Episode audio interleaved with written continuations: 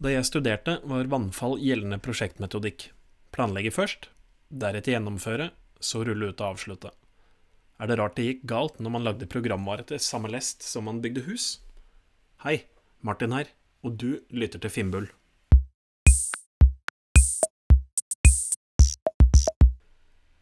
Jeg studerte på siste halvdel av 90-tallet, og jeg innser at det er en god stund siden.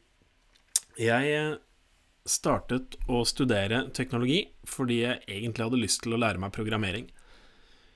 Det viste seg gjennom studiene at jeg egentlig stinka på å programmere, men jeg var langt bedre i metodefagene. Metodefag som prosjektledelse. Og det var i prosjektledelse at vi lærte eh, metodikk som vi i dag kaller vannfall. Spesielt så var det en forkortelse, Faurida, F-A-U-R-I-D-A,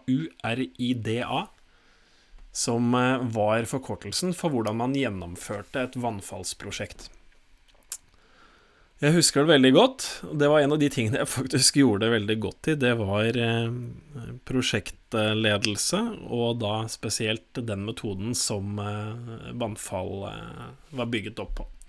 Og selv i dag så kan du søke opp Faurida og se at det faktisk undervises i, eller i hvert fall ligger det rester av undervisning, i denne metodikken. F. Forandringsanalyse.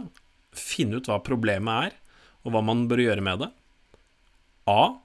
Analyse. Dele opp, finne sammenhenger. U. Utforming, altså selve designet av løsningen. R. Realisering. Lage, altså bygge løsningen. I. Implementering, ta i bruk. D.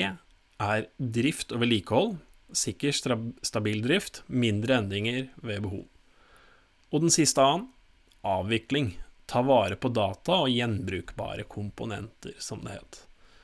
Dette ble undervist da jeg studerte, og det er eh, selvfølgelig noen år siden, selv om det føles eh, ganske nær i tid. I dag er dette helt surrealistisk, og det er lett å tenke seg hvor tankegodset kom fra. Bygg- og anleggsbransjen. Man starter nederst, og bygger seg oppover. Man tok med erfaringene fra prosjektstyring over i abstrakte prosjekter, og det er her det går feil. Programvare er ikke husbygging. Hvis grunnmuren er feil i programvaren, så kan du lage den på nytt. Du kan nappe den ut, og du kan erstatte den med noe annet. Databaser kan byttes ut. Programmeringsspråk kan byttes ut. Infrastruktur, biblioteker, komponenter, alt du har laget i en løsning, kan byttes ut. Programvare er heller ikke et hus i den forstand at det bygges og overleveres for bruk. Det vil si, det trenger i hvert fall ikke å være slik, selv om mange fortsatt behandler det på den måten. Allikevel så sitter tankegodset fra vannfall godt fast hos mange, spesielt planleggingsfasen. Planlegging gir det jeg vil kalle en falsk følelse av kontroll, i hvert fall hvis man bruker lang tid på planlegging. Det å planlegge noe er en god følelse, du føler at du får innsikt, du får overblikk, og du får kontroll på det du trenger å gjøre. Men det er først når erfaringene fra faktisk gjennomføring kommer, at man lærer. I planleggingsfasen så lærer man ingenting, for da har man ikke startet på selve gjennomføringen. Så å bruke mye tid, eller for mye tid, på planlegging, det gir en falsk følelse av kontroll. Det må planlegges litt, men ikke for mye. Og dette med å planlegge mindre, det er en erfaringssak og en øvelse, og en eh, mental øvelse, ikke minst. Hvor lite kan du planlegge og fortsatt føle deg komfortabel med den jobben du skal gi deg i kast med? Minst mulig planlegging før man setter i gang. Resultatet, hvis man planlegger for mye, det er jo da selvfølgelig at uh, løsningen blir jo ikke som det man forventer. Du bommer på tid, du bommer på pris, du bommer på løsning. Og selv om løsningen strengt tatt kanskje ble sånn som den burde bli etter at du har fått de erfaringene du trenger, så blir den sannsynligvis ikke som du har planlagt. Og da er spørsmålet er løsningen blitt feil, eller er planleggingen feil? Hvis du bommer på tid og du bommer på pris, men allikevel har levert en riktig løsning, har du da levert et vellykket eller et mislykket prosjekt? Smidige prosjektmetodikker løser delvis problemet, men ikke alt.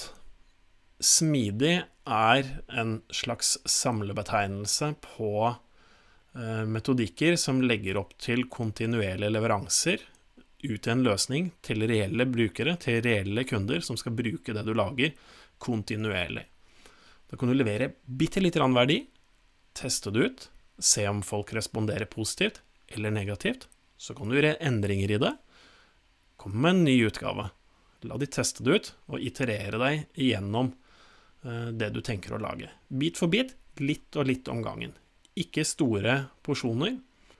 Å iterere seg gjennom et prosjekt vil fortsatt medføre en start og en sluttdato for prosjektet. Men med å iterere seg gjennom et prosjekt, så blir det ikke lenger et prosjekt, men det blir et produkt. Og vi snakker heller om produktsykluser og produkter fremfor prosjekter. Programvare er under kontinuerlig utvikling så lenge den er i bruk. Man etablerer et team. Løsningen utvikles, og den videreutvikles kontinuerlig. Funksjonaliteten endrer seg, man justerer på forretningsmodellene. Folk kommer, folk går, helt til prosjektet, eller produktet, dør og avvikles. Som leder så må man anerkjenne denne måten å arbeide på. Man må anerkjenne at det kan planlegges mindre i prosjekter eller produkter hvor det er stor grad av usikkerhet rundt hva som skal lages. Anførselstegn når er prosjektet mitt ferdig? Anførselstegn slutt er et spørsmål som ikke bør stilles annet enn når det faktisk er snakk om et ekte prosjekt. Penger bør bevilges, og driften løper til man ser om produktet er levedyktig. Gmail er ikke et prosjekt fra Google. Office er ikke et prosjekt fra Microsoft. Vips er ikke et prosjekt fra DNB. Dette er produkter eller tjenester. De videreutvikles til de dør. Tusen takk for at du lytter til Finnbull. Vi høres.